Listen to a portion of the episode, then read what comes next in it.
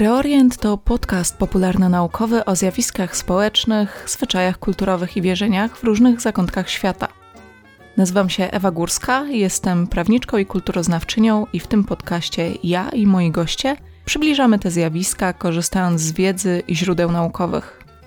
Reorient powstaje dzięki wsparciu patronów i matron na Patronite. Możesz do nich dołączyć i wesprzeć rozwój podcastu przez stronę www.patronite.pl ukośnik Reorient.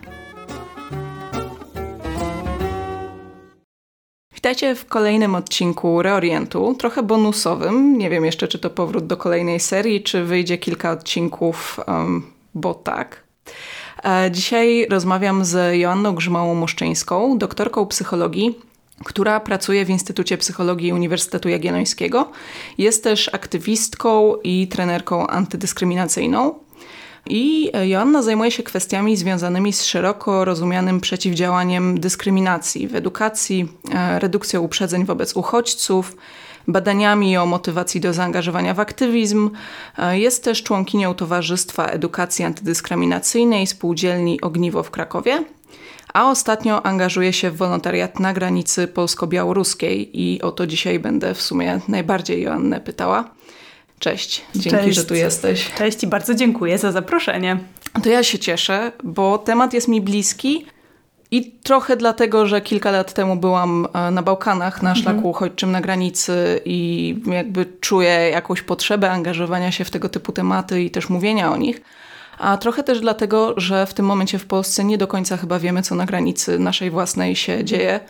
Głównie ze względu na stan wyjątkowy i brak wpuszczenia tam mediów, no ale też dlatego, że różne przekazy się pojawiają z różnych stron, różne narracje. Mm, dlatego tym bardziej chciałabym zapytać Ciebie, bo Ty tam byłaś, co na tej granicy się dzieje. Mhm. No, no, no sytuacja faktycznie jest e, myślę, że jeszcze dodatkowo niepotrzebnie obciążająca dla, dla, dla wszystkich. Mimo, jakby poza tym, że dzieją się właśnie no, przerażające rzeczy, o których zaraz jeszcze więcej będę mówiła, ale ta niepewność, y, która, y, którą budzi to właśnie, że nie można, że większość y, mediów, czy, czy w zasadzie w ogóle media polskie nie mogą wjeżdżać, czy, czy też zagraniczne nie mogą wjeżdżać do strefy stanu wyjątkowego, no to dodatkowo powoduje, że ludzie bardziej słuchają jakichś plotek, e, że łatwiej jest też manipulować opinią publiczną, więc to rzeczywiście no, zostało bardzo sprawnie wymyślone, e, jeśli chodzi o realizację celu politycznego, jakim jest wzbudzanie niepokoju i e, poczucia zagrożenia. No właśnie, to jest taka populistyczna narracja, która wraca po tych pięciu latach. Już wtedy mówiliśmy o tym, czy raczej właśnie politycy mówili o tym, że fala uchodźców nas zaleje, te porównania, ten język właśnie fali, zalewania, strachu, wtedy był już podkreślany przez wiele organizacji.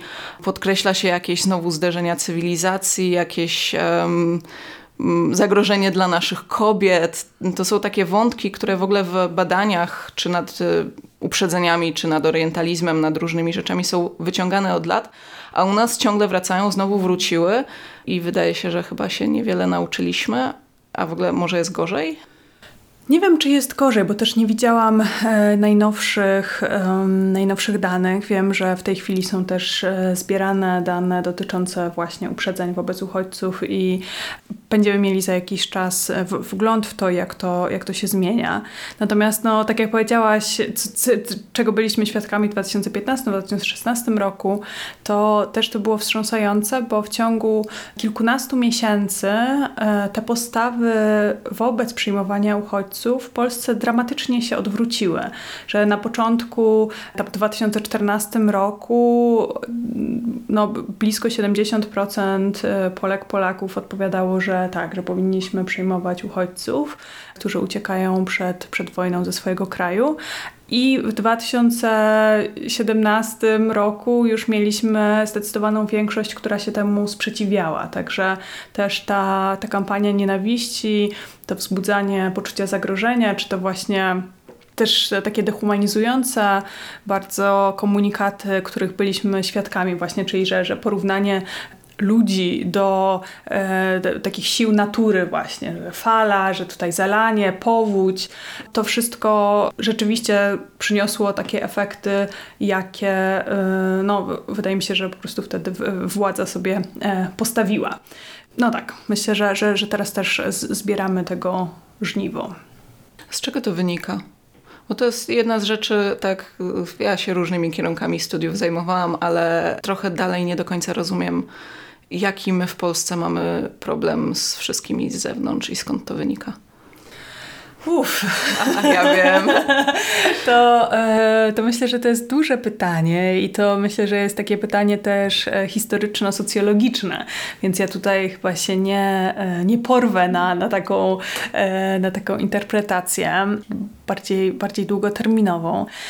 Ale to co, to, co mogę zrobić, no to opowiedzieć o tych różnych czynnikach, które w badaniach psychologicznych wychodzą mhm. jako to, co sprzyja uprzedzeniom wobec wobec, wobec uchodźców, wobec migrantów w ogóle i jakby też w związku z tym pewnie później też porozmawiamy o tym, co, co możemy robić, żeby w jakiś sposób e, no, rozmawiać z osobami, które nie są do końca przekonane do tego, co dalej powinno się e, wydarzyć, albo no, są wręcz na pewno przekonane co do tego, że, że nikogo nie powinniśmy wpuścić i że mur e, to jest świetny, e, świetny pomysł. E, myślę, że tutaj mamy kilka takich różnych czynników, które sprzyjają temu, że te uprzedzenia wobec, wobec uchodźców, czy no właśnie też, też dyskryminacja staje się naszym, naszym udziałem. Tak trochę z tego poziomu takiego wyższego, no na pewno postawy nacjonalistyczne są czymś takim, co, co sprzyja uprzedzeniom i to takie poczucie, że no, nasz naród i że, że ta wspólnota narodowa jest, jest taka bardzo jednolita, że mamy pewną wyższość nad e, szeroko rozumianymi innymi, to na pewno jest taki, taki czynnik, który, który sprzyja tym uprzedzeniom i też no, dodatkowo myślę, że polityka historyczna, którą prowadzimy, która jest prowadzona w Polsce już od bardzo wielu lat e, i to myślę, że sięga również dobrze przed rządami Prawa i Sprawiedliwości. No, przynosi to, to swoje, e, swoje efekty. E, natomiast to, co jest ciekawe, to też są badania, które pokazują, że patriotyzm rozumiany jako miłość do ojczyzny, ale też taki patriotyzm konstruktywny, w którym, no dobrze, jakby ważna jest dla nas nasza ta wspólnota, ale też widzimy jej pewne wady, czy widzimy, co należy zmienić w tej, w tej wspólnocie, czy w tym, co się, co się dzieje w naszym kraju, no to ten patriotyzm nie jest związany z uprzedzeniami i właśnie ci konstruktywni patrioci raczej mają takie postawy otwartości i chęci dzielenia się dobrem, którym dysponujemy i przyjmowania osób, które e, no, uciekają przed, przed wojną albo przed jakimiś super trudnymi warunkami e, życia. Kolejnym czynnikiem, który też jakoś jest, myślę, związany z postawami nacjonalistycznymi, no to będzie taki konstrukt, który nazywamy w psychologii prawicowym autorytaryzmem. I to jest taka tendencja do ogólnie do bardzo do dużego szacunku dla władzy w ogóle i też e, takiej preferencji dla twardej ręki e, władzy. No i tutaj ten, ten prawicowy, konserwatywny rys ma na pewno spory udział. Tutaj też w psychologii używamy takiej koncepcji orientacji na dominację społeczną, czyli to jest, to jest zestaw przekonań, które odnoszą się do tego, że pewne grupy są lepsze od innych i że pewne grupy mają prawo decydować o y, innych. No też zarówno mm, ten prawicowy autorytaryzm, jak e, i orientacja na mm, dominację społeczną wiążą się też z poparciem na przykład dla przemocy, aby radzić sobie z pewnymi mm, zagrożeniami dla grupy własnej w tym wypadku tak rozumianej bardzo ekskluzywnie jako tylko no właśnie Polacy, Polki, osoby urodzone w Polsce, e, białe, e, tak, e, heteroseksualne, katolickie. Katolickie. Tak, więc tutaj ta wspólnota ona jest bardzo tak e, ekskluzywnie zdefiniowana. Nie wiem, czy tak. Wrócimy jeszcze, myślę, dobrze, do tego dobrze. wątku. A, a w, w, przejdźmy trochę w takim razie do tego, co jest postrzegane w tym momencie jako zagrożenie. Ten temat, jakby chyba te wątki też w takiej polskiej konstrukcji psychicznej i, i różnych narracjach, no przecież tych narracji o zagrożeniu w ostatnich latach mieliśmy mnóstwo, one się głównie z, zmieniają między e, LGBT, między uchodźcami, między ewentualnie, nie wiem, Unią Europejską. Zawsze się ktoś znajdzie. Um, no ale teraz ten temat chyba najbardziej, czy nawet na pewno najbardziej aktualny, no to jest właśnie e, granica. Mm, no ale to nie jest realne zagrożenie raczej dla polskości, prawda? Co, co tam się dzieje? No ja jestem przekonana, że, że nie jest to e, realne zagrożenie dla polskości i też sobie tak myślę, że jeśli kilka tysięcy osób, które uciekają przed wojną, miałoby stanowić zagrożenie dla polskości, to jakoś bardzo by to no, źle świadczyło o tym. O polskości. o, o polskości i o tym, czym, e, czym ona jest. No to co, to, co w tej chwili się dzieje, to e, od już w zasadzie można powiedzieć, że wielu miesięcy przechodzą przez e, granicę polsko-białoruską migranci i uchodźcy, którzy przyjeżdżają do, którzy przyjeżdżali do Mińska z różnych e, miejsc, czy to na Bliskim Wschodzie, też e, przyjeżdżały osoby na przykład e, z Kongo, no jakby z bardzo różnych, z bardzo różnych miejsc.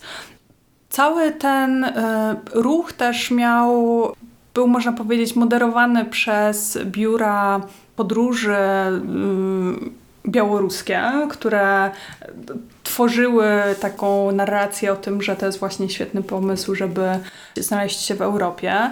Też często okłamując osoby, niemalże sugerując, że Niemcy graniczą z e, Białorusią i wiele osób, które przekraczało granicę e, polsko-białoruską, jakby były przekonane, że zaraz znajdą się w Niemczech, czyli w tym mhm. miejscu, w którym albo mają rodzinę, albo no, wiedzą, że ich znajomi zostali potraktowani w ludzki sposób. Um, kilka lat temu, albo wręcz, e, wręcz niedawno. Zdecydowana większość tych osób próbuje się dostać dalej. E, nie chce składać wniosków o ochronę międzynarodową w Polsce, tylko różnymi sposobami stara się po prostu przedostać do Niemiec i wiemy, że bardzo wielu osobom to się, e, to się udaje. Myślę, że tutaj też bardzo taką dla mnie to jest ciekawe ta figura kuriera czy przemytnika mhm. w, w, tej całej sytuacji, no bo oczywiście te osoby zajmują się czymś, co jest karane przez, w, w polskim prawie i można za przemyt ludzi wylądować w więzieniu do 8 lat. A równocześnie e, obserwując to, co się tam dzieje, to mam wrażenie, że e, no, ci ludzie tak naprawdę ratują, oczywiście nie bezinteresownie, ale no, ratują życie e, tych uchodźców, którzy na pewno w Niemczech mają dużo większe szanse niż, no, no też na przeżycie po prostu, niż, niż w tej chwili e, w Polsce. Mówię tak dlatego, bo o ile jeszcze jakiś czas temu, w momencie, w którym osoba się pojawiała na granicy, zaczynała rozmawiać z pogranicznikiem i mówiła, że e, ubiega się o ochronę międzynarodową w Polsce, to zgłoszenie było przyjmowane i jakoś procesowane. Także wiele z tych osób jednak nie było od razu deportowanych do kraju pochodzenia. No tak, no ta osoba wpadała w system, w system europejski, tak. a dodajmy, że e, Straż Graniczna ma obowiązek przyjąć tego typu wnioski. To nie jest tak, że może się odwrócić i nie przyjąć, ma absolutny podstawowy obowiązek ten wniosek przyjąć, bo to nie strażnik na granicy ma decydować o tym, kto zasługuje na ochronę, tylko to jest dalej badane i sprawdzane, czy są podstawy do na przykład udzielenia azylu, no bo tutaj też mówimy bardziej o uchodźcach, a no faktycznie problemem może być trochę teraz takim językowym to, że prawdopodobnie dużo z osób na granicy to są migranci, czyli osoby, które niekoniecznie uciekają wprost przed prześladowaniami, ale przed bardzo ciężkimi czy nieludzkimi warunkami życia. I jest też, no, jest taka dyskusja na przykład, czy nie należy tego jeszcze zacząć bardziej różnicować. Mhm. No ale to jeszcze też inna historia. No w każdym razie tak, no, zależało mi na podkreśleniu mhm. tego, że ten wniosek, to, to nie strażnik decyduje Bardzo dziękuję, że też to podkreśliłaś, bo faktycznie no, to jest tak, że w momencie, w którym osoba właśnie przychodzi, no to powinna, e, ten wniosek powinien zostać zarejestrowany i ta osoba powinna otrzymać schronienie do czasu, do którego tutaj Urząd do Spraw Cudzoziemców nie rozstrzygnie też w, po przesłuchaniach, po, po, po pewnym dochodzeniu tego, czy ta osoba spełnia kryteria do otrzymania e, azylu w Polsce, czy, e, czy nie.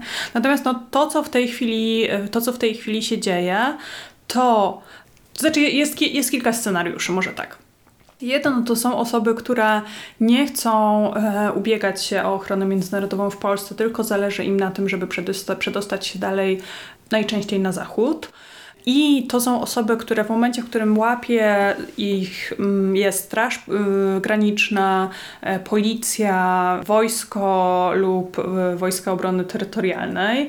Tutaj w tej chwili tych służb e, tam w okolicy jest po prostu no, niesamowicie dużo i generalnie klimat e, w tych miejscowościach przygranicznych muszę powiedzieć, że no, jest trochę jak na wojnie, po prostu, że cały czas jeżdżą um, samochody na sygnale i tych służb, też wojska jest naprawdę, naprawdę mnóstwo i to akurat też wiemy z po prostu informacji podawanych czy to przez policję, czy przez wojsko. No i te osoby, które, się, e, które są złapane, najczęściej w tej chwili są pushbackowane. Tutaj również myślę, że warto dodać, że pushback, e, czyli wypchnięcie osoby za granicę czy na granicę z krajem, w którym ona nie może, który nie jest bezpiecznym krajem, a niewątpliwie Białoruś nie jest bezpiecznym krajem, no jest również nielegalne z, zgodnie z, ze wszystkimi międzynarodowymi dokumentami, konwencją genewską. No tak. To jest niezgodne z długą listą tak. różnych dokumentów. Tak, część w którymś poście na reoriencie wrzucałam, można jeszcze na to spojrzeć. Lista jest bardzo długa, więc nawet trudno je wymieniać. Tak, natomiast no to, się, e, to się dzieje i to się dzieje już od, od dłuższego czasu i osoby na przykład są pushbackowane kilkukrotnie, co przynosi taki efekt, że no, osoby po prostu z, przez wiele dni, często już nawet kilka tygodni, po prostu znajdują się w lasach, a to z jednej, a to z drugiej strony granicy, co, no, jak można sobie wyobrazić, przynosi jakieś no, potworne skutki. I oczywiście te osoby czasem udaje się otrzymać jakąś pomoc, a pewnie o tej pomocy jeszcze będziemy mhm. dalej rozmawiać. Natomiast no, e, otrzymują jakąś tę pomoc, natomiast no, w trakcie tych pushbacków często doświadczają również przemocy, czy to ze strony e, pograniczników polskich, czy to ze strony pograniczników białoruskich.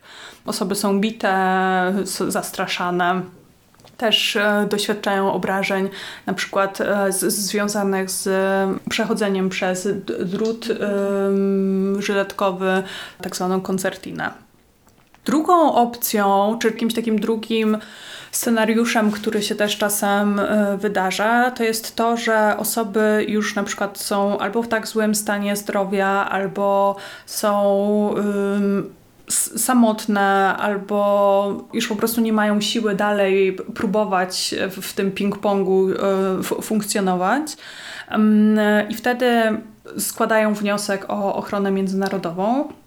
I jeśli to robią w kontakcie z jedną z organizacji pomocowych, no to wtedy my się też staramy wezwać wcześniej media, tak żeby w momencie, w którym przyjedzie Straż Graniczna, już były media, które mogą patrzeć na ręce i jakoś relacjonować tą, tą historię, tą sytuację i w ten sposób wywierać pewien nacisk na to, żeby ta osoba czy te osoby nie zostały e, pushbackowane. Niestety nie jest to żadna gwarancja.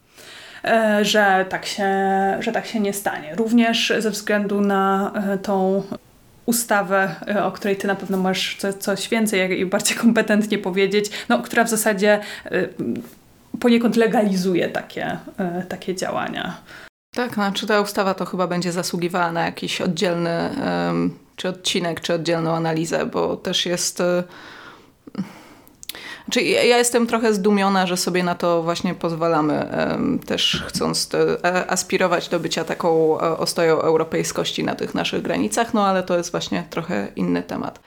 Ale jeszcze wracając, ludzie znikają, tak? Czyli składają ten wniosek o azyl albo go nie, skła- nie składają, są pushbackowani, ale na przykład organizacje pomocowe wcześniej do tych ludzi dotarły, więc wiedzą, kim są. Nawet pełnomocnictwa do reprezentowania zostały zostawione, a ludzie znikają. I oni jak na razie się często nie znajdują, o ile wiem. Tak, niestety też y, organizacje y, pomocowe, czy to no właśnie Grupa Granica, czyli konglomerat bardzo wielu różnych organizacji, czy Fundacja Ocalenie, w której ja jestem e, wolontariuszką, Dostajemy bardzo dużo też pytań od rodzin, e, które szukają swoich bliskich i nie mają z nimi żadnego kontaktu. No to może być tak, że też nie, nie, niestety niektóre służby niszczą ludziom telefony, w związku z czym no, oni nie mogą dalej jakoś e, się komunikować. No albo, nie wiem, kończy się, kończą się im pieniądze na, na koncie, telefonicznym, no albo jakby dowolny inny. Trudno jest też naładować telefon, baterię w środku lasu. Tak jest, dlatego też no, no jedną z takich, jednym z elementów tej pomocy materialnej, której e, udzielają organizacje jest dostarczanie powerbanków. Możliwie jak największych, e, z jak największą pojemnością, tak żeby osobom e, umożliwić no, utrzymanie jakiejś komunikacji i jakieś ewentualne wezwanie pomocy. To jak już jesteśmy przy powerbankach, jednym z takich elementów, które pojawiają się na przykład na social mediach w tych narracjach przeciwko uchodźcom, migrantom i wszystkim zagrażającym naszym granicom, jest właśnie zarzut, że jak to jest, że oni mają przy sobie e, telefony i smartfony, które czasem no, nie są tanie. Wydaje się, że jak każdy z nas nie może żyć już bez smartfona, nie wychodzi z domu bez, e, bez czegoś takiego, to jeśli miałby gdzieś jechać za granicę, i potencjalnie do lasu, to jest to oczywiste, że zabierze ze sobą telefon, ale trochę zastanawia mnie, czy to jest taki argument, przepraszam, że to powiem wprost, ale z dupy po prostu w narracjach w social mediach, czy, czy my naprawdę oczekujemy, że ci ludzie to będą obdarci, prymitywni i znaczy, no wydaje mi się, że to chyba raczej jest ten pierwszy case. To, to znaczy, wydaje mi się, że to jest jakieś takie bardzo, e, bardzo manipulacyjne i takie oczekiwanie, że jeśli ktoś no właśnie ucieka przed wojną i znajduje się w jakiejś bardzo trudnej sytuacji ekonomicznej, to nie będzie miał jakichś takich też bardzo podstawowych w tej chwili dla no po prostu ka dla każdego przedmiotów. No też jest tak, że żeby osoby mogły sobie pozwolić na tą podróż, no to wiele z nich sprzedaje cały swój majątek w kraju, z którego wyjeżdżają, albo cała rodzina się zrzuca na, na taki e, przejazd, no to często są, no, no nie wiem, 20-30 tysięcy euro, co no dla, dla, większości z nas e, jest no, bardzo dużą kwotą pieniędzy. Natomiast faktycznie jest tak, że no, jeśli ci bliscy też chcą mieć z nimi kontakt i chcą się upewnić, żeby um, te osoby były bezpieczne, no to wiadomo, że telefon z dobrym GPS-em no, będzie naprawdę bezcenny w sytuacji, w której muszą poruszać się i przechodzić nie drogami, tylko gdzieś przez, przez las, żeby móc się również skomunikować, czy to w momencie, w którym będą potrzebowali pomocy od którejś z organizacji, czy właśnie skontaktować się z kurierem, który ich przewiezie dalej. No zresztą trochę chyba też jest tak, to też a propos tej takiej słynnej memowej niebieskiej kurtki, która niby dużo miała e, kosztować, że po drodze no, aktywiści po obu stronach, jeśli ktoś straci telefon, to im często ten telefon dostarczał. Jak on będzie zdarów, to czasem może też być po prostu dobry. No nieważne. Myślę, że, że to nie jest też najważniejszy wątek. Ważniejsze może jest jeszcze to, że skoro ci ludzie na granicy stanowią takie straszne e, zagrożenie dla nas, tak powtórzę to po raz kolejny, Mm, na tyle też, że Straż Graniczna nasza nie może spełnić swojego obowiązku i przyjąć wniosków azylowych, żeby dane tych osób zostały sprawdzone, ich tożsamość, kim oni są, skąd się wzięli, czy na pewno zasługują na pomoc. No to czy w takim razie to są jacyś tacy groźni ludzie, tak jak należy sobie wyobrażać według różnych um, mediów bardziej związanych z władzą, że to będą sami mężczyźni z brodami, którzy są tacy groźni, napakowani i muskularni? Czy jednak różnorodność jest większa tych osób? No zdecydowanie jest dużo większa e, różnorodność i te, e, te interwencje, przy których ja byłam, to no zdecydowanie nie, to nie byli, e, to nie byli sami mężczyźni. To na przykład w jednym przypadku była grupa sześciu kobiet z Kongo, która był taki pełen przekrój wiekowy. Była dziewczyna, która miała 15 lat, pani, która miała myślę, że około 50. No i one po prostu same kilka kilka osób próbowały się przedostać dalej do brata, który mieszka w Paryżu.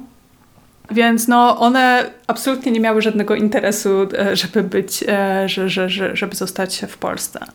Też inne osoby, które spotkałam, na przykład z Syrii, grupa pięciu e, kobiet i sześciu mężczyzn, w tym nastoletni chłopiec, więc no, no naprawdę te, te osoby są bardzo, bardzo zróżnicowane i no, taka fantazja, że są to tylko wielcy mężczyźni, którzy komuś zagrażają, no myślę, że bardzo jest e, daleka, daleka od prawdy. I szczerze mówiąc, z tych moich doświadczeń i z tego, jak ja to przeżywam, to ja dużo bardziej boję się spotkać w lesie strażników granicznych albo jakieś po prostu służby mundurowe, a nie wychłodzonych, głodnych e, ludzi, którzy po prostu proszą o pomoc i o miskę zupy. Też będąc w tym lesie, ci uchodźcy nie mają specjalnego interesu, żeby zagrażać osobom, które tą miskę zupy przyniosą, czy pomoc Totalnie. medyczną będą im dostarczać też z tych swoich doświadczeń gdzieś ze szlaku bałkańskiego pamiętam, tam akurat był system taki, byłam w obozach mm, przygranicznych, takich rejestracyjnych, do których przywożono osoby, które przekroczyły granice. W dobrych warunkach, namiotach ogrzewanych, rejestrowano, sprawdzano tożsamość i potem ewentualnie we współpracy europejskiej wysyłano dalej, po drodze właśnie zaopatrując w dobre ubrania ze zbiórek, jedzenie, udzielając pierwszej pomocy, też pierwszej pomocy medycznej, więc to było po prostu zorganizowane głównie przez e, Czerwony Krzyż, ale akurat ze służb to pamiętam, że tam był taki system, mm, że co trzy dni zmieniano grupę, czy to policji, czy to wojska, która tego obozu pilnowała. I zawsze było tak, że przyjeżdżali nowi ci, ci strażnicy czy wojskowi. Na ogół byli duży i przerażający i byli bardzo na nie. Bardzo na nie też do wolontariuszy pomagających, do organizacji pomocowych. Bardzo tacy byli mm, cały czas napięci i z nikim nie chcieli negocjować, nawet osób wyraźnie wymagających pomocy medycznej nie chcieli przepuszczać pierwszego dnia. Pod koniec tych zmian, trzy dni później, już pomagali, już wchodzili z nami, z, z, osobami z organizacji pomocowych do tych namiotów, e, udzielali pomocy, czy pomagali nam, kiedy to było konieczne, albo na przykład kiedy faktycznie mogło być tak, że nie wiem, my się nie czuliśmy pewnie na nocnej zmianie, i w tym momencie, kiedy ci strażnicy robili się ludzcy, to ich zmieniano. Mhm. I to tak wyglądało, to też to duże wrażenie robiło, bo w pewnym momencie w ten rytm się e, wpadało. E, I trochę się zastanawiam, bo u nas też mamy różne doniesienia a propos straży. Jedni twierdzą, że przecież strażnicy to ludzie i też noszą dodatkowe kanapki do lasu cały czas i odwracają wzrok. Inni mają właśnie bardzo złe doświadczenia. Czy ty masz doświadczenia też te dobre i te złe? Znaczy ja takiego bezpośredniego kontaktu podczas y, interwencji nie miałam e, ze strażnikami, natomiast no, no, no wiem, że są bardzo no bardzo różne ludzie mają doświadczenie i też faktycznie e, no, no, słyszałam na przykład o osobie, która odeszła ze straży, nie mogąc już dalej wykonywać e, tych rozkazów. No, no tak, jakby wiem, że to też jest totalnie obciążające dla nich, bo też na przykład sami mają dzieci i że po prostu wywożą dzieci innych ludzi do lasu, w którym w tej chwili no, już mamy e, takie solidne przymrozki, szczególnie nocą. Natomiast no niestety też no, no, no widać bardzo dużo historii też dociera do mnie, no takich zachowań, które naprawdę no nie powinny mieć, mieć miejsca. I jest to, muszę powiedzieć, dość przerażające. A jak do tego podchodzą lokalni mieszkańcy? No tutaj myślę, że znowu mamy bardzo duże zróżnicowania, bo jest mnóstwo osób, również tych, które mieszkają w strefie, które bardzo pomagają i no w zasadzie właśnie już od wielu tygodni no głównie się tym zajmują i totalnie jakoś przeformułowało się ich życie i no, no głównie się zajmują tą, tą pomocą i też myślę, że są potwornie obciążeni i no, że trudno będzie też e, im jakoś wrócić do, do normalnego funkcjonowania, cokolwiek to będzie oznaczało i kiedykolwiek mhm. ten moment nadejdzie. Więc no, jest mnóstwo osób, które wykonują totalnie jakąś niesamowitą robotę. Ale też oczywiście są osoby, które jak widzą grupę osób, które wychodzą z lasu, no to dzwonią po straż graniczną. Mhm. E, też słyszałam o tym, że jak była ta akcja z zielonym światełkiem, tam, żeby, żeby po prostu dać znać osobom, że mogą przyjść na przykład do tego domu i otrzymają pomoc, no to wiem, że też były takie sytuacje, w których ludzie wystawiali zielone światełko, a jak ktoś przychodził, to dzwonili po straż graniczną. No ja sama też miałam jakąś taką sytuację, w której jechałyśmy mm, z koleżankami do grupy i zobaczyłyśmy trzy osoby, które no, było dość oczywiste, że, że błąkają się od dłuższego czasu po lasach. E, one przechodziły przez taką główną drogę, my jechałyśmy tą drogą, e, no i zobaczyłyśmy, że tam właśnie podjeżdża Straż Graniczna, zaparkowałyśmy, wzięłyśmy pełnomocnictwa, żeby i, tam jakieś, no, no właśnie wodę, jakieś takie rzeczy, żeby im dać. I zaczęłyśmy biec w stronę tych osób, tak żeby je złapać, zanim e, Straż Graniczna to zrobi.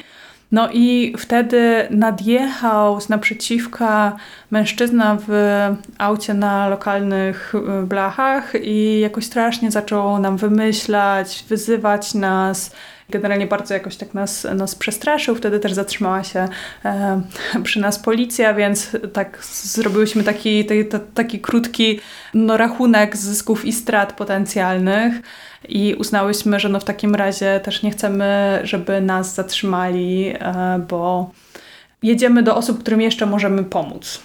Hmm, no ale to była jakaś taka bardzo nieprzyjemna, nieprzyjemna sytuacja. Natomiast no, też naprawdę jest mnóstwo, jak na przykład w Michałowie mamy punkt, w którym strażacy też, którzy no, po prostu lokalnie tam i, i, i e, koło gospodyń wiejskich przyjmują dary, e, potem je jakoś rozdystrybuowują, więc no, tutaj jest naprawdę bardzo dużo ludzi dobrej woli, którzy jakoś w, w, w tej sytuacji starają się, starają się pomóc. Choć no oczywiście też czasem to może być kontrowersyjne, bo no, na przykład właśnie jak stworzono ten punkt w Michałowie, e, no to po pierwsze to jest dosyć daleko od granicy, e, więc prawdopodobieństwo, że ktoś tam przyjdzie nie jest jakieś bardzo, bardzo wysokie. No a z drugiej strony też niestety jak e, tam ktoś by przyszedł, no to oni mają obowiązek wezwać straż graniczną, więc um, ta pomoc idzie w pakiecie z um, mhm. tym, czego wiele z tych osób chce uniknąć. No jak właśnie jest z udzielaniem tej pomocy, no bo to jednak cywile głównie udzielają pomocy, czy tak. właśnie osoby lokalne, czy osoby zrzeszone w grupie Granica, w fundacjach wchodzących w jej skład, ewentualnie innych organizacjach. Więc jak wygląda udzielanie tej pomocy, żeby nie zaszkodzić bardziej? Przede wszystkim na początku próbujemy się dowiedzieć, jak y, jesteśmy w kontakcie z, z, z, taką osobą albo taką ją grupą, y, czego ta osoba potrzebuje, jakiego rodzaju pomocy i też czy będzie chciała mieć kontakt ze służbami, czy nie. Jeśli nie, no to trzeba wtedy zrobić wszystko, żeby jakby próbując jej pomóc, nie ściągnąć na nią takiej uwagi, którą, której ona by chciała uniknąć. Więc e, jakby trzeba działać dość e, szybko i cicho. Więc to jest jedna sprawa. Też e, no, to, co jest ważne w trakcie tego pomagania, to żeby jakby osobom też w pełni mm, umożliwić podjęcie takiej decyzji, co, co chcą dalej zrobić, nakreślić im e, różne scenariusze właśnie, które, które są możliwe. No i jeśli chodzi o pomoc, której legalnie można, można udzielić, no to można udzielić takiej pomocy właśnie dać pić, dać jeść, dać suche ubrania, powerbanki. I też właśnie osoby mogą podpisać takie pełnomocnictwa, y, które umożliwią, na przykład gdyby ta osoba była hospitalizowana, które umożliwią pełnomocnikowi złożenie wniosku o azyl y, w, imieniu, tej w imieniu tej osoby. No tak, i mniej więcej na tym, e, na tym się to kończy. Jeszcze e, pełnomocnik, w momencie, w którym Straż Graniczna zabierze taką osobę, no to ten pełnomocnik może też jakoś towarzyszyć tej osobie albo no, no przynajmniej starać się jej mhm. towarzyszyć. No to, co jeszcze można zrobić, no to tutaj pomoc medyczna jest też ważnym, ważnym elementem. Mamy ze sobą zwykle taką podstawową apteczkę, natomiast no, też taka ocena, czy ta osoba potrzebuje profesjonalnej pomocy medycznej, czy tutaj trzeba wezwać karetkę. No ale znowu, jeśli wezwiemy karetkę, to na pewno z karetką przyjedzie Straż Graniczna, więc osoby muszą y, no, być poinformowane, że mm, no po prostu jak to działa, żeby móc mhm. podjąć, e, podjąć decyzję. No natomiast to też w tej chwili myślę, że, że powoli zaczyna się jakiś taki nowy etap związany z tymi temperaturami, e, bo osoby, po prostu coraz więcej osób będzie doświadczało hipotermii i szczególnie w tych głębszych stanach hipotermii no, osoby są splątane i, i, nie są w takim kontakcie, żeby mogły e, samodzielnie i świadomie podjąć jakąkolwiek decyzję. A jednocześnie nie można ich tak naprawdę zostawić bez pomocy, no bo to już byłoby nieudzielenie pomocy. Tak, tak, tak, tak. Więc wtedy no to po prostu trzeba już wezwać karetkę i po prostu liczyć na to, że uratują tej osobie życie.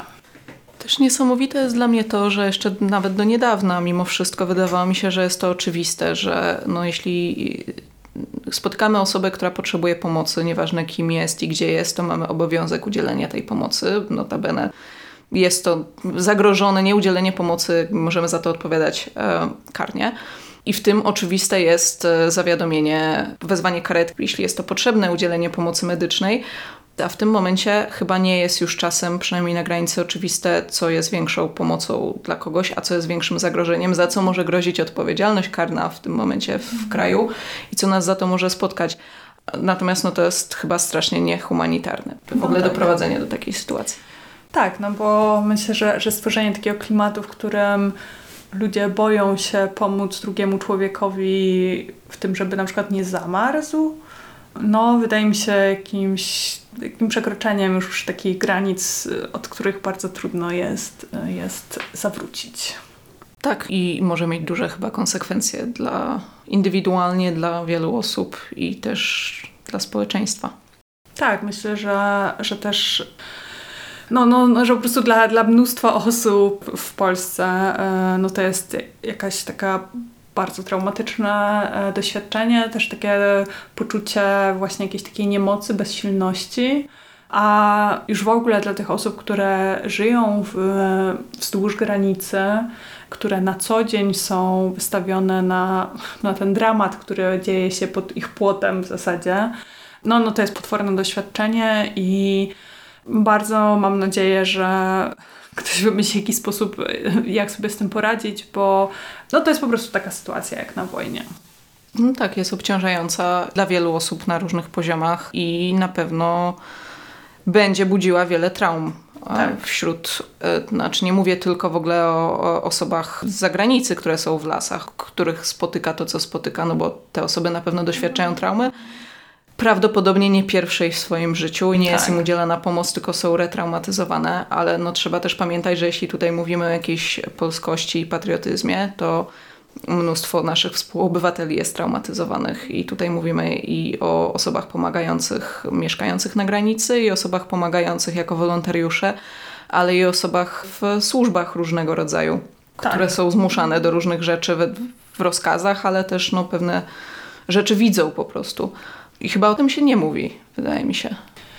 Ja też sobie tak myślę, że no właśnie, jakby wiele, wiele osób, e, no na przykład tych wolontariuszy z e, organizacji, które pomagają, e, przyjeżdża na jakiś czas, tak? No i my na przykład mamy takie zmiany, które trwają cztery doby. I fundacja też stara się, żeby osoby nie jeździły na więcej niż dwie takie zmiany w ciągu miesiąca. E, i myślę, że to jest super. E, mhm. Wiem, że no nie wszystkie organizacje mają takie, takie zasady, ale moim zdaniem to jest takie bardzo podstawowe e, BHP tego pomagania. No i właśnie, no i my po tych czterech dniach bardzo, no, no wiele osób jest bardzo zmęczonych, też no, bardzo obciążonych psychicznie, no ale my jednak wracamy do swojego życia gdzieś indziej, tak, też geograficznie, czy to do Warszawy, do Krakowa, do Wrocławia, no, gdzie, gdziekolwiek.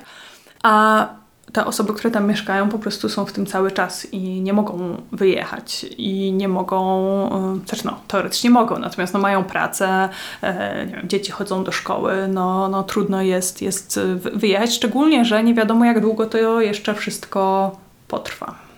To może być jedna z najgorszych rzeczy, że trudno jest, ani nie wiemy do końca co się dzieje, ani nie wiemy do końca chyba dlaczego to się dzieje, ani ile to potrwa. Tak, no i to też jest jakieś takie dodatkowe źródło niepewności, które i tak jest już bardzo dużo w tej całej sytuacji i to też myślę, że będzie powoli już budziło, czy, czy, czy może budzić też jakąś taką agresję, niechęć, że cały czas no, jesteśmy wystawiani na taką sytuację, na którą no, też myślę, że nikt nie powinien być, e, być wystawiany. Czy można pomagać jeszcze inaczej niż jadąc na granicę? Bo jechanie na granicę no, nie jest dla każdego i, mm. i może nie mm. powinno być mm. dla każdego. Lepiej się nie traumatyzować na własne życzenia. Tak, ewidentnie jest tak, że no nie, nie wszyscy powinni jechać e, na granicę i że to rzeczywiście jakby dobrze jest znać swoje granice i dobrze jest też wiedzieć, co, co może być jakby zbyt dużym obciążeniem żeby też no, nie sprawić, że osoby, z którymi się jest, e, no jeszcze poza tym, że będą e, tutaj ogarniały osoby e, w lesie, to jeszcze będą musiały zająć się osobą, która nie poradzi sobie z tym, z tym obciążeniem, z tym obciążeniem psychicznym. Teraz niedawno ruszyła kampania społeczna pod tytułem Ratujmy ludzi na granicy, e, zainicjowana przez Rodziny Bez Granic, PACH, też Fundacja Ocalnie, jakby bardzo wiele różnych... Granica, Grupa tak. Granica, bardzo wiele różnych e, grup, wspólnot, kolektywów, które e, się w to angażują. Także można dowiedzieć się, co teraz można zrobić, wchodząc na stronę www.ratujmyludzinagranicy.pl i tam będą informacje zweryfikowane i rzeczywiście, rzeczywiście adekwatne do tego, jakie są aktualnie potrzeby. Zawsze to, co można też robić, właśnie no to jest wpłacanie pieniędzy, które no, z, z, tego co widzę, są bardzo dobrze wydatkowane, umożliwiają kupno paliwa, opłacenie miejsca do spania dla, dla wolontariuszy, kupno jakichś najpotrzebniejszych rzeczy, które które umożliwiają, umożliwiają pomaganie.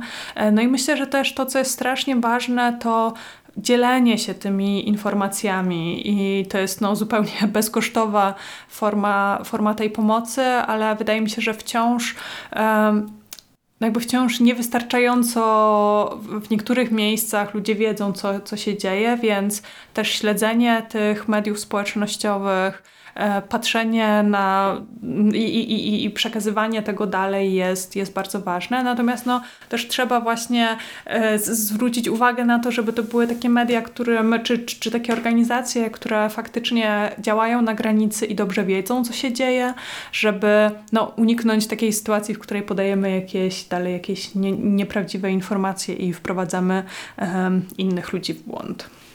Tak, myślę, że ważne jest, żeby podkreślić, że jeśli kogoś interesuje pomaganie, to trzeba to robić z głową, bo można pomagając niestety często zaszkodzić i, i tak naprawdę osiągnąć przeciwny skutek. Mm. Dlatego no, jeśli ktoś chce jechać na granicę, no to z organizacjami, które tam działają, są zorganizowane, mają szkolenia dla wolontariuszy i wiedzą, co należy robić, żeby nie zaszkodzić. Tak samo z wpłatami na wszelkie zbiórki należy wspierać te organizacje, które są rozliczane, a zbiórki są zweryfikowane, bo też ostatnio już widziałam, powoli pojawiają się zbiórki, um, które nie wiadomo kto organizuje, że niby w dobrym celu, ale jednak nie są to zbiórki zweryfikowane i nie wiadomo do kogo te pieniądze trafią.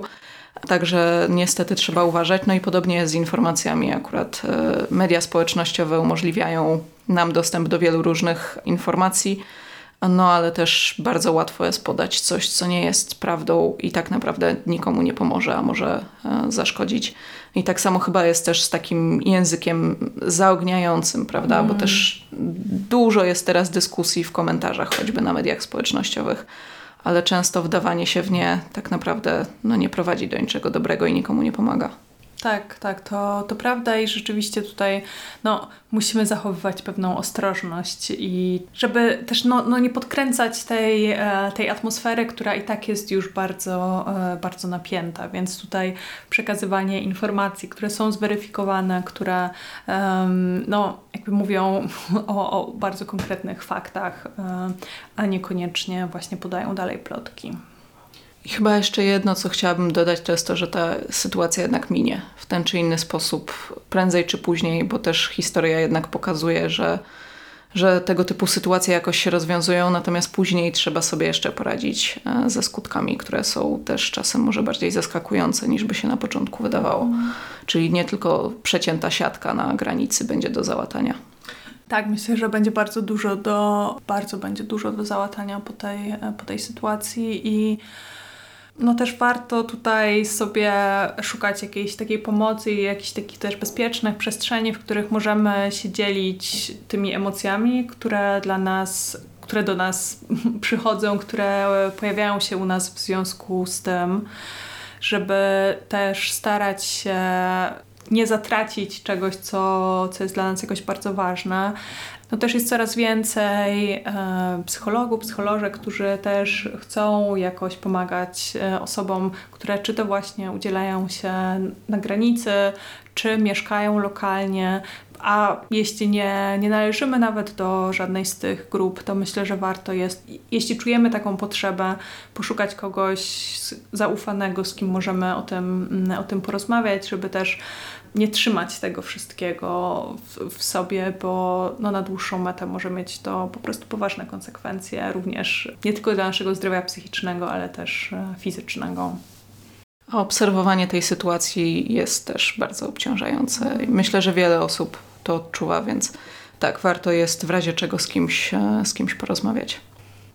Dobra, bo to już brzmiało, jakbyśmy zmierzały do końca rozmowy, a to jeszcze jest jeden ważny wątek e, nieporuszony czyli osoby, które są przeciwko pomaganiu osobom na granicy. Co można zrobić, jak przekonać nieprzekonanych? I to tutaj w zasadzie od razu już zadam dwa pytania, chociaż podobno nigdy nie powinnam tak robić, ale zdarza mi się. Pierwsze jest takie, jak przekonać e, osoby, które no tak w sumie to nie wiedzą, nie są przeciwko, ale w sumie to wolałyby nikogo nie przyjmować, a poza tym to słyszą te doniesienia medialne na granicy i po prostu się obawiają. No ale dwa to są jednak te osoby, które są zupełnie na nie. Mhm. Tak, no to myślę, że zawsze jest dobrze sobie odpowiedzieć na pytanie, gdzie chcemy lokować naszą e, skończoną energię.